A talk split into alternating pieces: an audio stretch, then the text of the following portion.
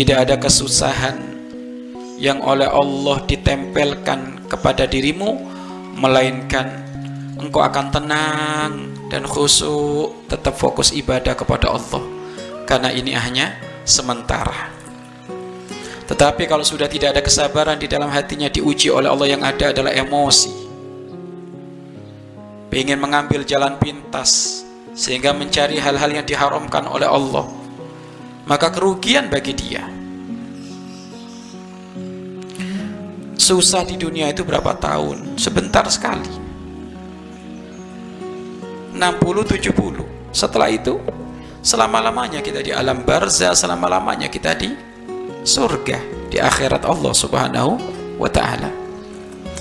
Kehidupanmu di dunia itu tak ubahnya engkau lagi naik perahu, kapal pesiar, perjalanan dua hari dua malam menuju Palembang menuju Batam sana. Tiba-tiba di pertengahan jalan kamu harus terhenti. Itu kapal harus mengisi BBM kamu pun harus terhenti. Maka di saat kamu terhenti di sebuah pulau maka bukan itulah tempat asalmu. Bukan itulah tempat rumahmu. Maka jangan pernah merasa senang ada di tempat itu.